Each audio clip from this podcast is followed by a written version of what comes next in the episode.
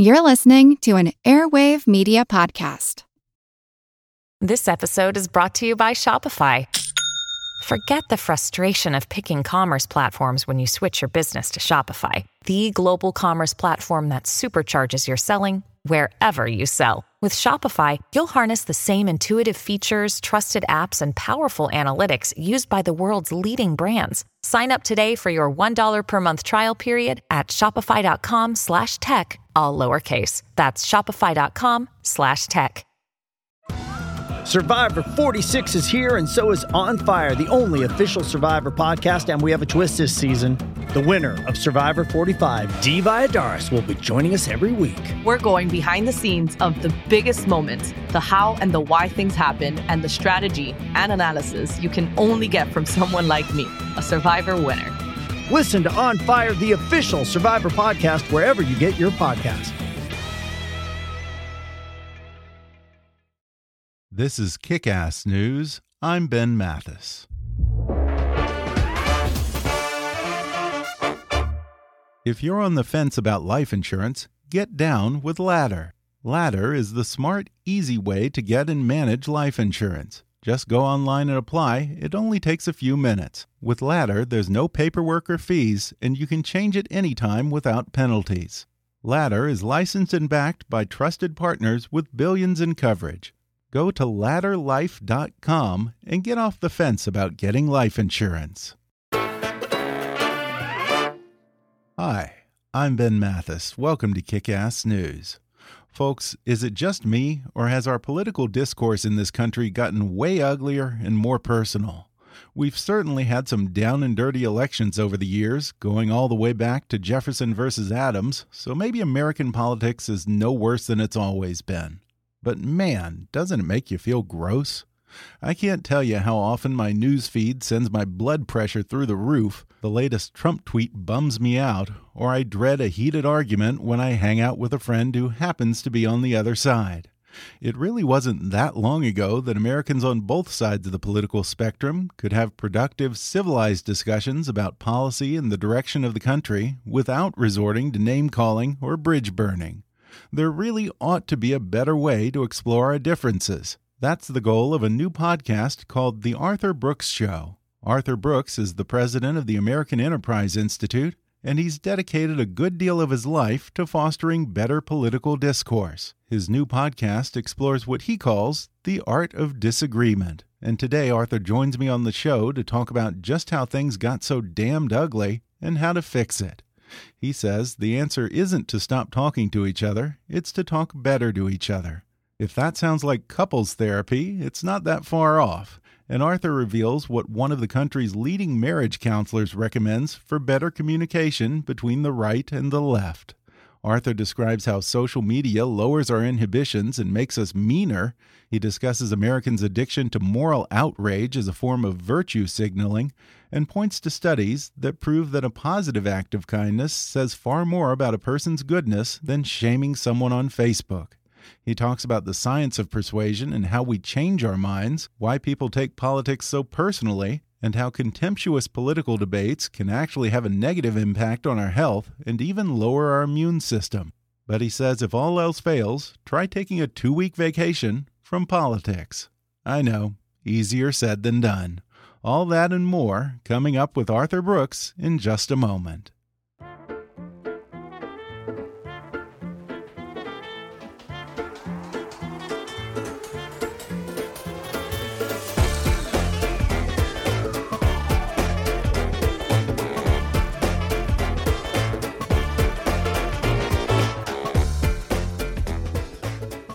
Arthur Brooks is a best selling author, a social scientist, and the president of the American Enterprise Institute.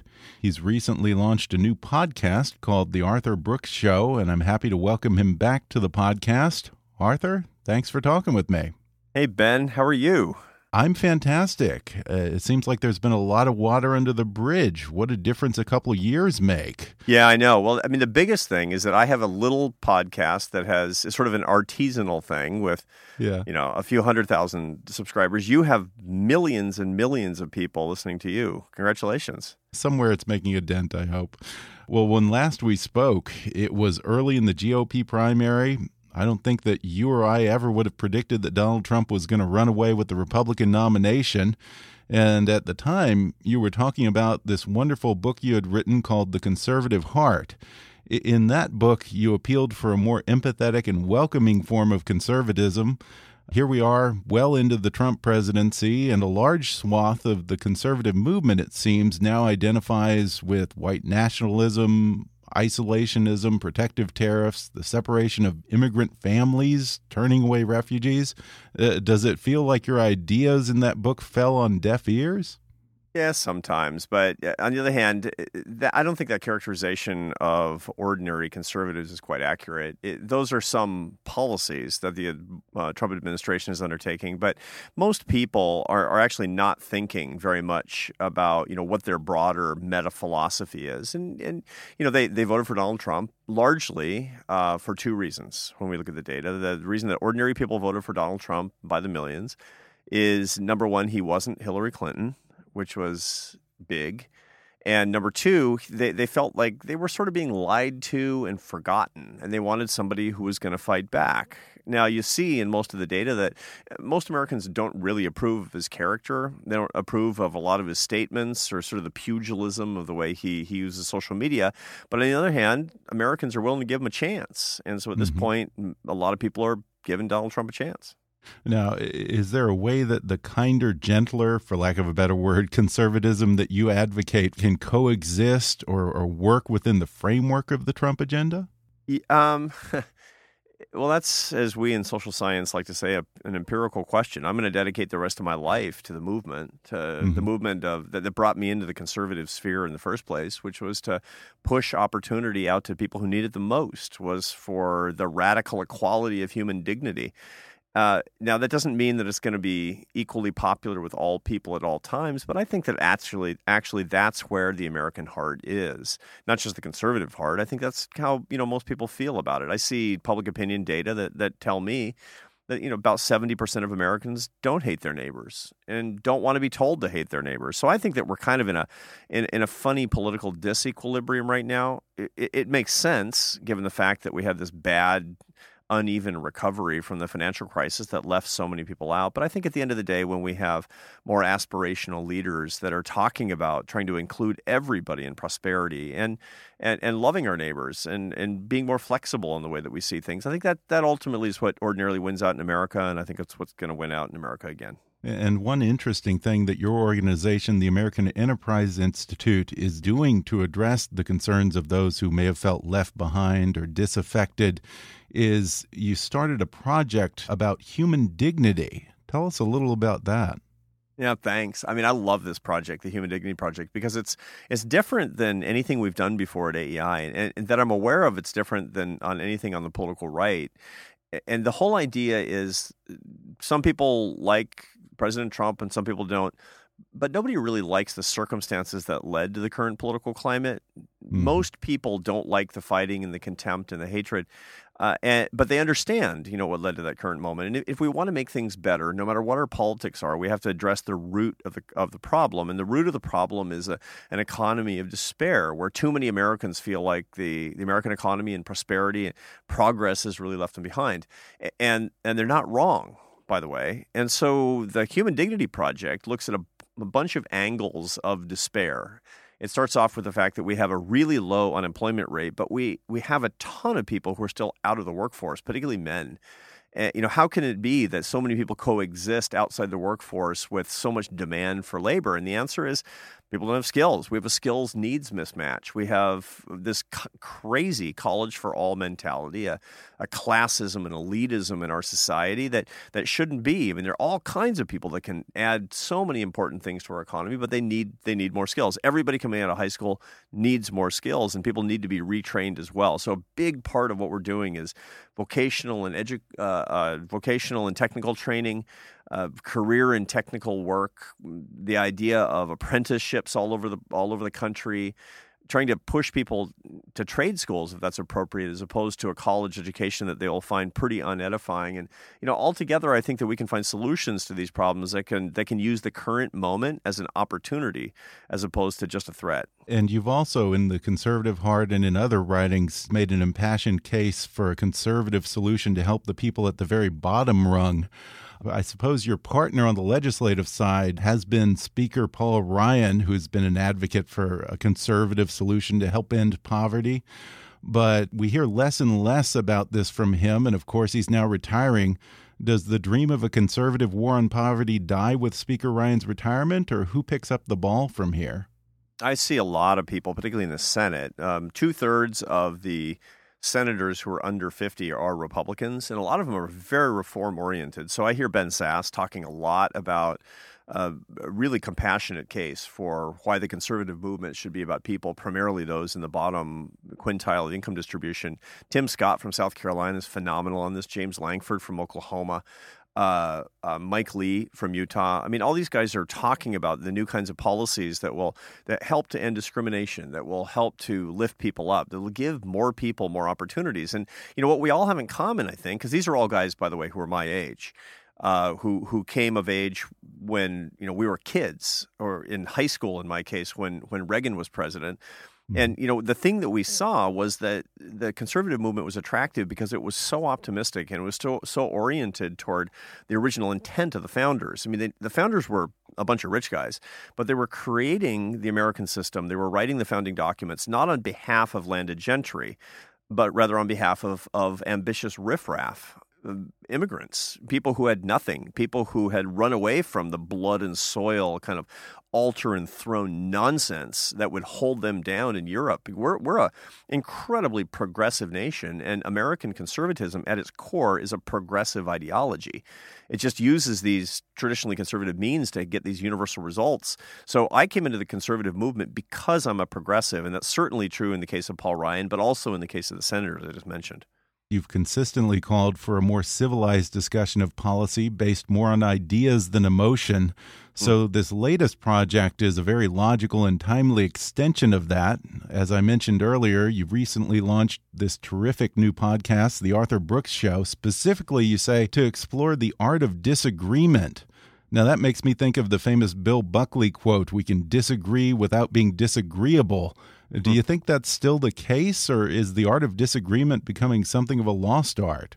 Yeah, no, that's a it's a question that I'm exploring in this podcast. The first season is eight episodes, and and these all all eight of these episodes are on dis, different aspects on on disagreement. And the key, the core thing to remember is that, you know, there's a tendency to say when disagreement is so bitter and and, and disagreeable, uh, unpleasant, that disagreement's a problem. We need more people to agree. That's actually wrong the the heart of excellence in America is competition. You know, competition in economics, competition in politics. You want contested elections. You want fierce competition among corporations, and you want fierce competition in, in, in, ideas as well. Competition per se is is actually what we call disagreement. The the problem is that a lot of what we're doing today is actually not competition in the war of ideas. It's mm-hmm. it's basically shutting the competition down in ad hominem argumentation and personal attack. It's basically the equivalent of in sports trying to blow up the bus of the other team on the way to the game. that's not competition. That's exactly the opposite of it, and that's what we need to do better. Yeah. So Bill Buckley, the great one, was right when he said we need to disagree without being disagreeable. What we actually need is to disagree with each other and still love each other. And that gets to, I think, something you discussed in your first episode.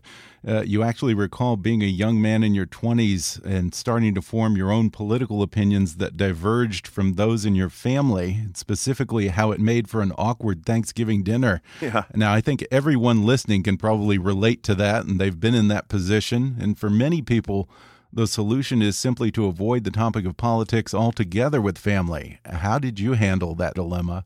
Well, so so the, the, the way that the story went was actually it was around Christmas time, and I was in my late twenties. You know, okay. I grew up in a very pr- traditionally uh, progressive home in Seattle, Washington, which is basically all homes in Seattle, Washington, or virtually all of them. And and and you know, they, they weren't my parents weren't over overly political, but you know, they had the more or less the the conventional political views of of the place and time.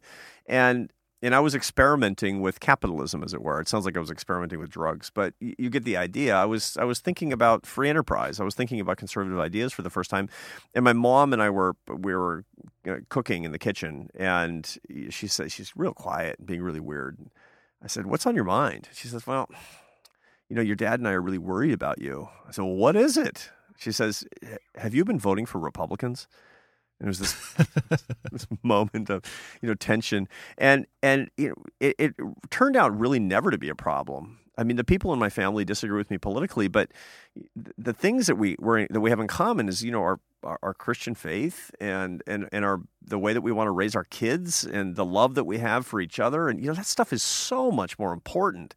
Politics is just like you know ninth on the list, and and the truth is, when I meet somebody, I don't care who they are politics is not the thing that's on my mind. Like I'm the president of the American Enterprise Institute. I'm in the center of Washington D.C. in the middle of these big battles. You'd think that I would be an obsessive about political ideology. I'm not.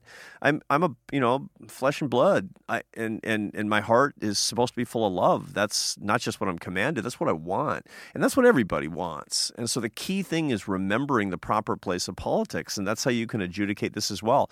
You know, hold your opinions, hold them high. Uh, hold them with pride if you want. But the key thing, if you love other people, is to remember you need to listen to other people, not just tolerant and not just civil, because tolerance is a is a stupid standard. Tolerance mm-hmm. is like you know, yeah, my wife and I we tolerate each other. You're about to get divorced. You know, civility is a stupid standard. The idea I'm, I will be, you know, kind of the simmering civility between people. No, love is the right standard. You know, you need to love your neighbors and you need to love everybody around you we owe that to each other. And, and, and furthermore, you know, it's interesting. You know, I, I, talk to diverse groups. I do about 175 speeches a year. And so I'm constantly on the road. And when I'm talking about these issues, I'll, I'll say, like, I want a quick show of hands. How many of you, and so we'll have a quick show of hands for people who are listening to, to, to, to this podcast. How many of you love somebody with whom you disagree politically? It's every hand. It should be every hand. If it's not every hand, you got to get out. If you your hand didn't go up, you, you got to get out more. And, and so, if yeah. that's the case, if you love somebody with whom you disagree, then disagreement's no problem. Disagreement shouldn't be any mm-hmm. problem. You should listen to each other and go, "Huh, that's an interesting perspective, which I may or may not share." And you know, if I'm wrong, I want to know first, and I want people that I love to to fill me in on what they're thinking. It's it's more of an interesting, yeah. better life. But it does seem to me that I'm running into more people who say things like, I would never date someone on the opposite side of the political spectrum, or yeah, I'm seeing people who have ended entire friendships over politics. It, it, seems like that type of fractionalism is increasing at the personal level. Sure is. You know, there's a Pew Research uh, organization survey that just came out that shows that about one in six Americans has either ended a relationship with a family member or a close friend because of political differences, and that's just crazy. I, I, my view on that is that that's the deleterious impact of what we, around AEI we often call the outrage industrial complex. There are major commercial forces in this country that are yeah. dedicated to people hating each other. That are trying to pit American against American because that is man that is super profitable. You get ratings, you get you get you know commercial endorsements, you can get a big following by being outrageous and, and peddling hate. And you know, some people are going to fall for it. That's one reason. Mm-hmm. Another reason, of course, is the anonymity that comes from social media and our ability to silo ourselves. And, and so the result of that is that we're just not we're not keeping our priorities in perspective. Human love and relationships is way more important than than these political differences. And so when I hear some a young person, and I'm around a lot of young people, uh, here at AEI, a big part of our workforce. When I hear a young person saying, "I would, you know, I would never date a liberal," it's like, "You kidding me?"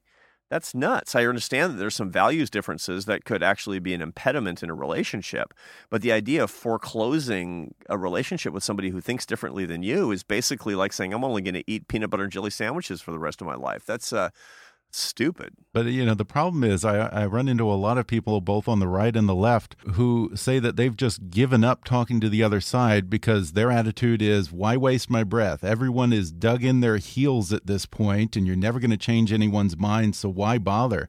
Do they have a point? I mean, it takes two people to communicate. So if the receiving side is unreceptive, what can you do? What is the point? Well, part of it is is managing our own expectations about what we're trying to do mm -hmm. when we discuss contentious points of view. Uh, you know, there there are people out there who are true believers to your cause and they agree with you. And everything you say, they go, "Yeah, I agree." Well, that's actually kind of boring. There are people who are actually open to different points of view. And when you're being contentious and obnoxious and bitter and insulting, you're going to drive them away. You, you want to talk about, motivate your points of view with respect to how they how they bring greater love into other people's lives, how they lift up people who have less than you, how you can serve other people. I mean, in other words, when you have a, a winsome way of explaining your point of view, those who are actually open to persuasion might be persuaded. But you're really talking about you know, giving up on talking to the hostiles, the people who are mm-hmm. have the, really the opposite point of view. Well, well, the, the the objective of talking to people who are hostile to your point of view shouldn't be, you know, at the end of thirty minutes, I presented you with so many facts that you go, you know what, you're right, I am an idiot. You know, it's just not it's not plausible. It says nobody in yeah. history has ever been insulted into agreement.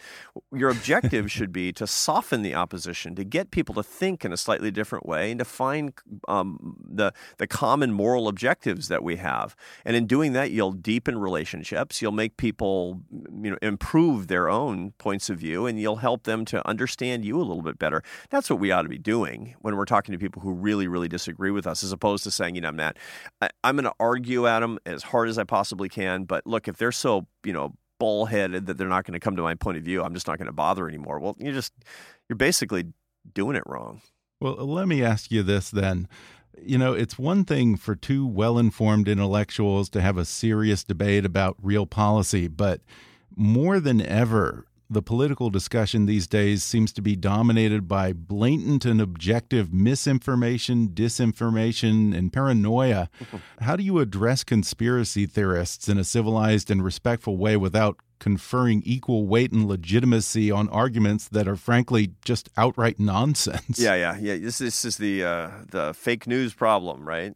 Uh, you didn't mm -hmm. say it, but let's get it out there. I mean, the idea that there's a bunch of misinformation out there that's being propagated largely on social media. The the the, the reason that we have so much misinformation is not a vast conspiracy of the Russians, although you know you don't rule anything out these days. The, the reason that we have so much of this is precisely because of siloing. And when people don't hear another point of view, they tend to radicalize themselves and to believe any sort of crazy thing about the motives of others. And that metastasizes into, you know, if you will believe, if you're only talking to people who, who agree with you and who are more radical than you, and you're and you're watching television and reading publications that push you to your greatest amount of anger, you'll start to attribute the worst motives to people people who disagree with you. This is something that that um, psychologists on my podcast have talked about with great frequency. And from there, when you have attributed the worst motives to your interlocutor, you'll start thinking that they will do worse things than they actually would. You know, you'll have the you know the you know Pizzagate and all kinds of crazy stuff that's flying around the internet on right and left. You say, how could somebody believe some nonsense like that? And the answer is because they're just not getting out of the house. They're not mm-hmm. talking to enough people. So that's what we actually need to do. We need to expose ourselves and expose other people systematically to, to what they consider to be ideological pathogens. That makes them stronger. It makes their resistance stronger. It makes their argument stronger, and it gives them a much, much better sense of the reality of what's going on. So I say, you know, it's it's it's crazy. There's another Pew study these guys at Pew do such great work. Um, and it was a study that asked about perceptions and realities of the other side. And, it, and it, so, for example, it asked liberals what percentage of conservatives earn more than $250,000 a year. And it was something like 40%. I can't remember the number exactly, something outrageous, something like 20 times the actual level of people. They thought basically all these conservative voters are, are rich and so therefore they're feathering their nests by trying to to weaken Obamacare or to reform the tax code. That's nuts. It's more like two percent. And then they ask conservatives what percentage of of liberal voters are LGBT or you know gay and lesbian and and and it, it was some unbelievably elevated percentage like 20 i thought like a really? quarter of those voters were were lgbt it's it's at most 6% and so once again that was because of the attribution of motive. They were getting the statistics wrong. That's really really dangerous. It's bad for all of us mm-hmm. not to expose ourselves to different kinds of people. We're going to take a quick break and then i'll be back with more with arthur brooks when we come back in just a moment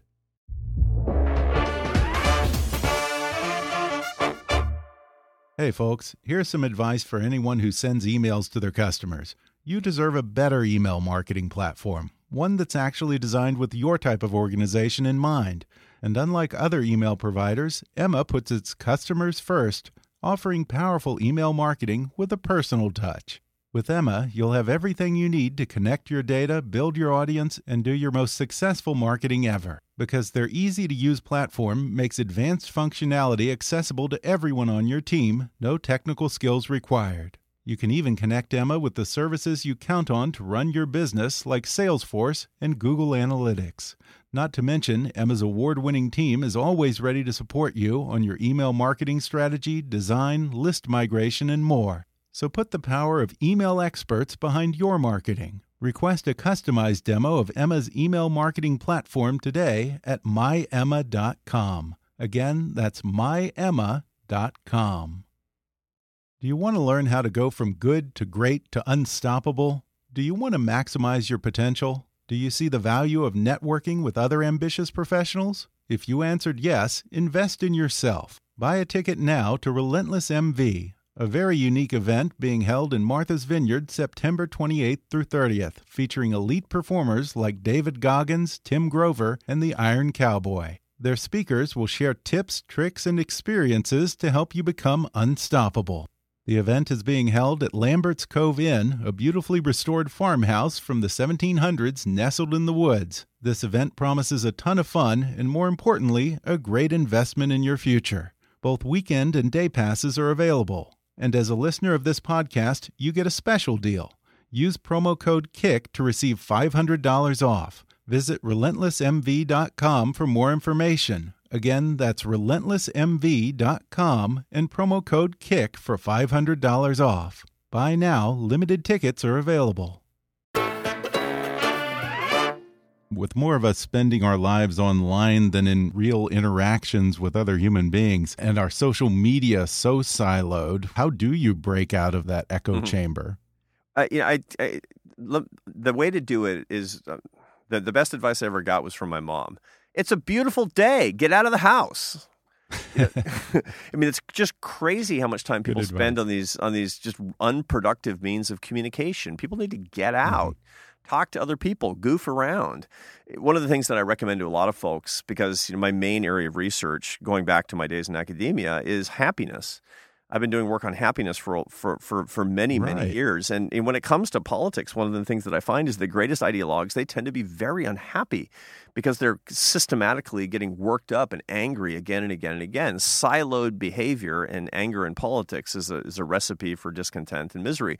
So one of the things that I often recommend to people these days is a politics fast or a politics cleanse, where you take two weeks and you you don't you commit yourself to not watching any news about politics, not having any conversations about politics, um, ex, ex, except except you know Kick-Ass News and the Arthur Brooks Show, of course, and and just making sure that you're not you're, you're not getting exposed to these just for two weeks. I mean, you don't have to like go all the way through the election or you know become some sort of weird person who's totally uninformed. Just just you know ten days, 14, 15 days. Just have at it. And a bunch of things become clear to people. It's just unbelievable. So one of the things that you find is that people become they become indignant at the exposure that they were having because they find out that they've been manipulated. They've been kind of terrorized by commercial forces that want to use them. People on their own side, they become annoyed and indignant at their own side because they realize that they've been kind of pawns in this war. They also find that politics in America is kind of like a, a Venezuelan soap opera you know you can watch it and then you can put it down for a couple of weeks and you can pick up and it's exactly where it left off. It's a whole you know really wait yeah. a minute that character is still having an affair you know it's like carlos is still having an affair with sylvia you know it's like well mm-hmm. that's kind of the plot. The point is that nothing happens. That's kind of the way it's supposed to go. That's how politics work in this country. You, you put it down for a couple of weeks and you realize the third thing is that you have a lot more time on your hands and a lot more happiness, a lot more love yeah. in your life, and people find you less objectionable. And man, who doesn't want that? Well, I love this idea that you could actually put down politics for two weeks and then just pick up where you left off and not really have missed anything because the media is very good at making it seem with this 24 hour news cycle that every half hour there's something that you're going to miss if you don't check your news feed or your tweets first thing in the morning when you wake crazy. up. It is crazy. It's almost like we're trained now that way. Things that otherwise wouldn't be significant are elevated to a significant position. I mean, who cares? How Melania Trump decorates the White House. You know, yeah, if someone right. has a problem with that, or if yeah. someone gets snubbed on Twitter. I yeah, mean, no, that's exactly it, right. It has it's, no bearing. It says no bearing on anything, and you know, it reminds me back in the fifties they used to do these experiments with with monkeys, and uh, where they would they would allow them to self administer cocaine and within 24 hours you know they would be doing nothing. Wouldn't be sleeping. They wouldn't be eating. They wouldn't be socializing. They would forego water. They'd just sit in front of the cocaine machine and hit the lever over and over and over again until they died. That's social media. That's basically so this is like the cocaine yeah. monkey culture of politics. You know it's amazing when they when you talk to people who've uh, developed political apps for the major newspapers even the way that they uh, they design the apps is that after you read a particular story uh, in op-ed, for example, there's a link after that that that based on the discernment of your reading habits that takes you up a notch. So if you were at three on the intensity, the political intensity, it'll take you to a five in political intensity.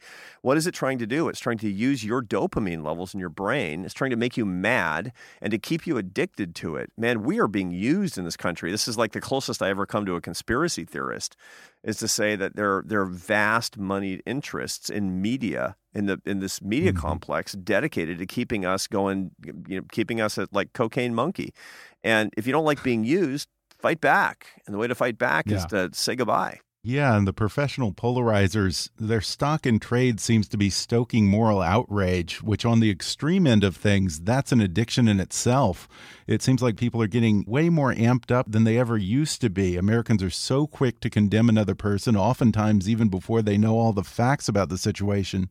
Talk about where this heightened moral outrage comes from, and particularly moral outrage as a way of virtue signaling. Yeah, you know, there, what, uh, an early guest on my podcast was Molly Crockett Crockett, who's at Yale and Oxford.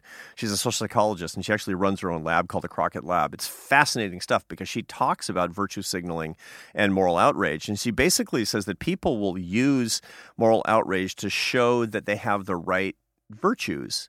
It's funny because in the world of social media where where everything has to be at 11, given the fact that we don't have human contact to moderate anything, if you're basically acting mellow on social media, it means you don't care. And if you don't care, it means you don't have any moral salience on a subject. So the result is that people have to go bonkers all the time to show that they're decent people, and this is especially true for for uh, for for for a lot of young people on social media today. And so it's very disorienting. So you can say the dumbest little thing, you know, something that's relatively anodyne, not meant to be offensive at all, and then you become anathema on social media uh, almost immediately. And you know that's that's actually incredibly unhealthy. Virtue signaling, you know, showing your pieties should come from being good, not from being right crazy mad.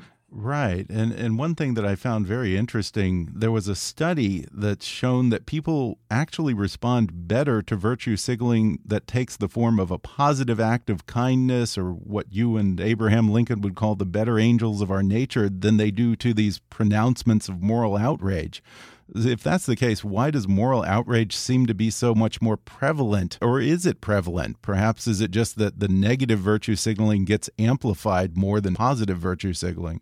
What happens is, you know, that's that's exactly correct. That people will perceive uh, the morality of positive messages in a different and a, in a in a better way than they do the negative stuff. But negative stuff gets amplified much much more quickly. So that when you use intense language, and especially when you use negative intense language, there's a lot of studies on this in social media showing that you, you your your work will be propagated, your message will be propagated much faster and much wider. So once again, this hmm. gets back to the people who who their their goal is actually not persuasion their goal is certainly not a better, happier, moral society. Their goal is money and power and fame. And when you're going up against somebody whose whole goal is money and power and fame, and yours is you know goodness and happiness and virtue, uh, you, are going to be going about those two objectives in a different way. So you basically have what amounts to asymmetric warfare in the world of social media. And in your efforts to foster better political discourse, you talk a lot about the science of how our brains process politics. And one thing that you brought up on one of the episodes of the Arthur Brooks show, I thought was just such an excellent point You talked about this paradox of how people get way more worked up in a negative way about politics and stressed over things that don't directly affect them in, a, in any kind of a personal way. Yeah. We're far more outraged and upset over things that are much broader and intangible fears. Yeah, no, that's right. Uh, and that's how do such thing. distant issues become emotional for us? Yeah, no, it's weird. It would seem like it would be exactly the opposite. If something's far away from you, you should care less, not more. But what's really going on here is that there's a when things are close to you and you can affect them, they often will make you less worked up precisely because you can do something about them. It's the sense of impotence that drives people crazy. The fact that they're being bombarded with irrelevant information, but irrelevant information that touches on their moral schemes, on the, you know, the, the things that seem really, really outrageous and wrong, they can't do anything about, so they try to do the best they can, which is express themselves in the most ideologically ideologically extreme and vitriolic terms on social media. Mm-hmm. So that's the reason that we get that. People are lashing out because they feel they feel they don't have any control. And a lot of the problem is someone's political position gets taken as a direct attack on them as a human being. Hmm. Does the fault there lie with the receiver or the giver of information? How do you have a productive issue driven conversation with someone who's going to take everything personally? Yeah, take everything personally or attack personally. And so personalization yeah. is one of the great scourges of political culture today. And people who want to break that cycle, uh, the way to do it is to not participate in it. We hear it constantly. You know, you get on to, and part of this is just pure ad hominem.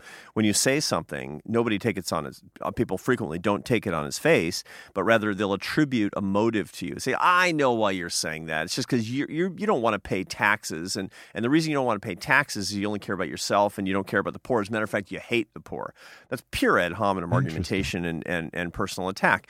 And so the natural tendency is to get super defensive. And when somebody takes something very, very personally and they say, you know, anything that you say is taken as evidence that you're a bigot, uh, that you're a discriminator, it, it becomes imp- almost impossible to have a productive conversation. So he, here's the technique for fighting back against this. And you know, we got a lot of people I know. You have a you have a lot of people who listen to you on college campuses. So so what can you do so you can have a productive conversation? Uh, in a way that that doesn't devolve into this, or at least see a way to pivot away from this uh, really unproductive form of, co- of communication. Number one, uh, no, rule number one: don't be a jerk. Number one is to is to is to easy. not actually don't offend people. Don't be a bigot. Don't be a discriminator. Think about the love that you actually should have for all different kinds of people. Diversity is the true strength of this country people living together from all different backgrounds, from all different countries, from all different points of view and kinds of experiences. The reason that America is the greatest country in the world and everybody still wants to come here. So don't screw that up by doing things that are actually objectively going to offend people. So rule number one is don't do harm.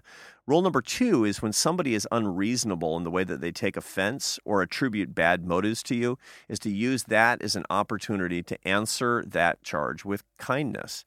N- never be defensive. Defensiveness is always totally unproductive. There's never a good mm-hmm. reason for you to be defensive when somebody treats you poorly. You should, when somebody treats you poorly, you should stop and you should close your eyes and you should say, thank you. This is my opportunity. And return it with gratitude and with a smile and with kindness, and guaranteed you'll change a heart. Maybe it's only your own, but there's also a fighting chance you're going to change the tenor of the conversation and be a force for good because you've inflected away from vitriol, you've inflected away from bitterness and you talk a lot about the science of political persuasion and how people change their minds. What does it take for a person with deeply held beliefs to change their mind on one of these controversial or contentious issues? Most people don't, okay. but what they can do is soften their position. Mm -hmm. So, so, and, and again, that should be the goal. If you have a really, really strong view on something and you believe it's based in facts and you believe it's completely right, and somebody disagrees with you, the the goal shouldn't be within a you know 45 minute conversation or you know 3 hour Thanksgiving dinner or uh, an interaction god forbid on social media to make them say you know he's right. I'm completely wrong on this. As a matter of fact I'm kind of stupid.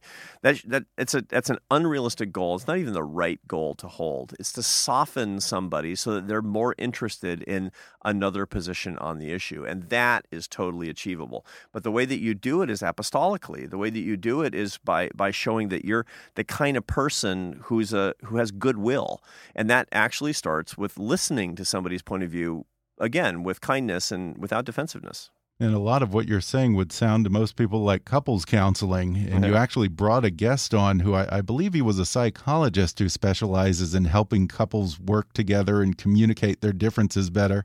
Uh, do the same rules that might apply to couples quarrels apply to political debate? Yeah, so you're you're referring to the guest I had was John Gottman. He's the he he started the yes. Gottman Institute with his wife Julie.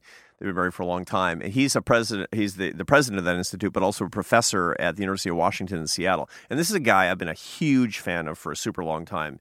His institute is dedicated to people people who are married to each other loving each other for the rest of their lives. I mean, what is not to like about that? This guy's a hero. Yeah. He bring he's brought literally thousands of couples back from divorce court uh, before it was too late. And and his whole set of techniques is is around uh, communicating with each other, positivity, and avoiding not anger because anger is fine. You know, anger is literally uncorrelated with divorce and separation. It's when you mix disgust with anger, you get something called contempt eye rolling, mockery, sarcasm, sneering, disdain. Right. That stuff is really, really super dangerous. So his whole thing is to avoid contempt and to listen more. And and I, I pressed him on this because he's never actually done anything on politics. And I said, look, I'm bringing together the world's greatest marriage counselor to bring America back together. So I need rules, man. I need rules. And so if you listen to that episode, it ends up with John Gottman's four rules for how to bring America back together again. I'm not going to give it away because you know it's really worth listening to the whole episode. John Gottman, he's he's the master. I mean, guaranteed. Yeah, gonna, it was really he's good. great, right? yeah, I highly recommend people listen to that one. And I'm not going to give away any of those four rules, but I will say this: one thing that was fascinating to me is he actually said that the human immune system becomes compromised by contempt. Yeah. I couldn't believe that. Yeah, yeah, for sure. And so contempt again is this anger mixed with disgust. And disgust is the noxious ingredient. Anger's fine as long as it's not used in a destructive way. But when you mix in the the, the disgust, it's kind of like mixing in uh, you know ammonia with bleach. It turns into this mm-hmm. combustible thing that can actually kill you. In this case, it would kill relationships because it, it drives a permanent wedge between people. And in so doing, you know, given the fact that there are all there's all kinds of literature on on the physiological impacts of the end of love. You know, people live longer, they live better, they live with greater health when they love each other, when they have a good relationship with their family, and they have a ton of friends, and they have happy marriages. And so, anything that ends love, anything that drives people apart, is going to wind up hurting health and making people die earlier. I mean, again, mm-hmm. I hate to sound extreme about this, wow. but the current climate that we have in this country that's being fostered by these interests, this is literally physically bad for us. well, among the culprits for this, uh, in addition to the polarizing media and the siloing of social media, another one you talk about is this chilling effect that we've seen on university campuses as someone who spent a, a, large part of your life in academia before coming to AEI, is this something that you've experienced yourself? Uh, well, yeah, actually, not very much in my own life, and I'm very grateful really? for that. But there have been a lot of cases that we've seen of of people being shut down on college campuses, and the main reason is because there's been a, a a movement uh, in campuses on, on the so-called deplatforming, which is to take away people's mm-hmm. ability to speak. And a lot of that comes from a very, very new way of thinking, which is to say that when people offend you or they hurt your feelings or they say something that you find offensive, that's actually a form of violence. So the way a lot of people that grew up in, in, in my generation, I'm I'm in I'm in my mid fifties now, and people in my generation would say there's a huge difference between speech and action. And so speech can't be violence. Yeah. Um, but a lot of this new thinking on college campuses is that speech is a form of violence, and therefore, since you were, were against violence, we should shut down offensive speech a lot of that has been from provocateurs and controversialists on college campuses who come simply to offend. But in many cases, it's been as well actual scholars. Uh, a lot of them on the political right. I personally, I've been very fortunate, and and people have treated me with real kindness and respect. I love academia, by the way. I mean, the reason I care about this in the first place is because academia is, has always been my has always been my my the sort of the home where my heart is. My dad was a college professor. My grandfather was a college professor. I was a college professor, and and so I think this is the center center of the competition of ideas is the ferment that can really save America. But this is a little bit, it's not a permanent threat, but I think it is a threat today that we all need to take seriously, to listen to each other more and to, to rebel against the idea of deplatforming anybody. Before we go, you recently announced your intention to retire as president of the American Enterprise Institute after, I think, 10 years there. Uh, yep. Have you thought much about what you want to do in this next chapter? Yeah, I mean it's it's ten years is a long time uh, to run a think tank, and I think that it's a good idea for people to step back after a decade from almost any chief executive job. My problem is that I actually published on this subject when I was still teaching at Syracuse, uh, and I had never been a chief executive. I said, you know, like I got the data, man, and you shouldn't stay more than a decade, and I wrote that and published it. It makes it a little bit tricky for me to say, actually, I meant twenty. so you know, ten years came, and it was time for me to take my own advice. So what I'm dedicated to for the rest of my life is building building the movement is the building a mm-hmm. movement that can that can truly bring Americans together. You know, I believe that this is tr- the United States is the, the, the greatest hope for the world. I mean, we have we have set the world free. What a gift it has been. The American leadership around the world, uh, the American free enterprise system, based on this idea that that global leadership should come from aspiration and hope, especially pushed out to the periphery of society. I mean, this crazy country built by total riffraff outsiders has come to actually be an inspiration to the whole world. It we, we cannot permit this country to be torn apart. So I'm gonna I'm dedicated to, to building a movement. I don't know if it's social. I don't know if it's political. I don't know exactly what form it's going to take yet. But but but Ben, I'm gonna I'm in this fight for the rest of my life. We got to make love cool again in this country. yeah, we'll keep fighting the good fight. Certainly, there's no happier warrior than you, Arthur. Um, where can people subscribe to the Arthur Brooks Show? Anywhere fine podcasts can be found. So okay. Google Podcasts, uh, uh, Apple Podcasts, uh, any of the good places, you'll actually find the Arthur Brooks Show, and it's uh, it's picking up steam. If people listen to it, I'll be really grateful. But more importantly, please uh, please give it a rating, whether you like it or or even if you don't. Absolutely. Go hit subscribe and review. Arthur Brooks, thanks so much for talking with me. It's been a pleasure. Thanks a lot, Ben. Thanks again to Arthur Brooks for coming on the podcast. Again, I highly recommend you subscribe to his podcast, The Arthur Brooks Show, on Apple Podcasts, Stitcher, Google Podcasts, or wherever you get your podcasts. Visit the American Enterprise Institute at aei.org and follow Arthur on Twitter at, at Arthur Brooks. If you're on the fence about life insurance, get down with Ladder. Ladder is the smart, easy way to get and manage life insurance. Just go online and apply, it only takes a few minutes. With Ladder, there's no paperwork or fees, and you can change it anytime without penalties. Ladder is licensed and backed by trusted partners with billions in coverage. Go to ladderlife.com and get off the fence about getting life insurance. If you haven't already, be sure to subscribe to Kickass News on iTunes and leave us a review. You can follow us on Facebook or on Twitter at, at KickassNewsPod.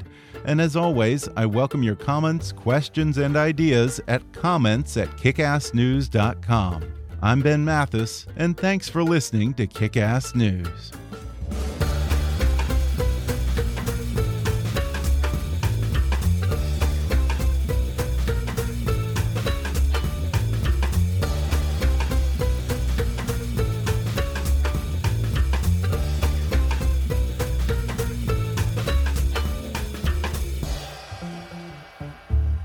Kickass News is a trademark of Mathis Entertainment, Inc.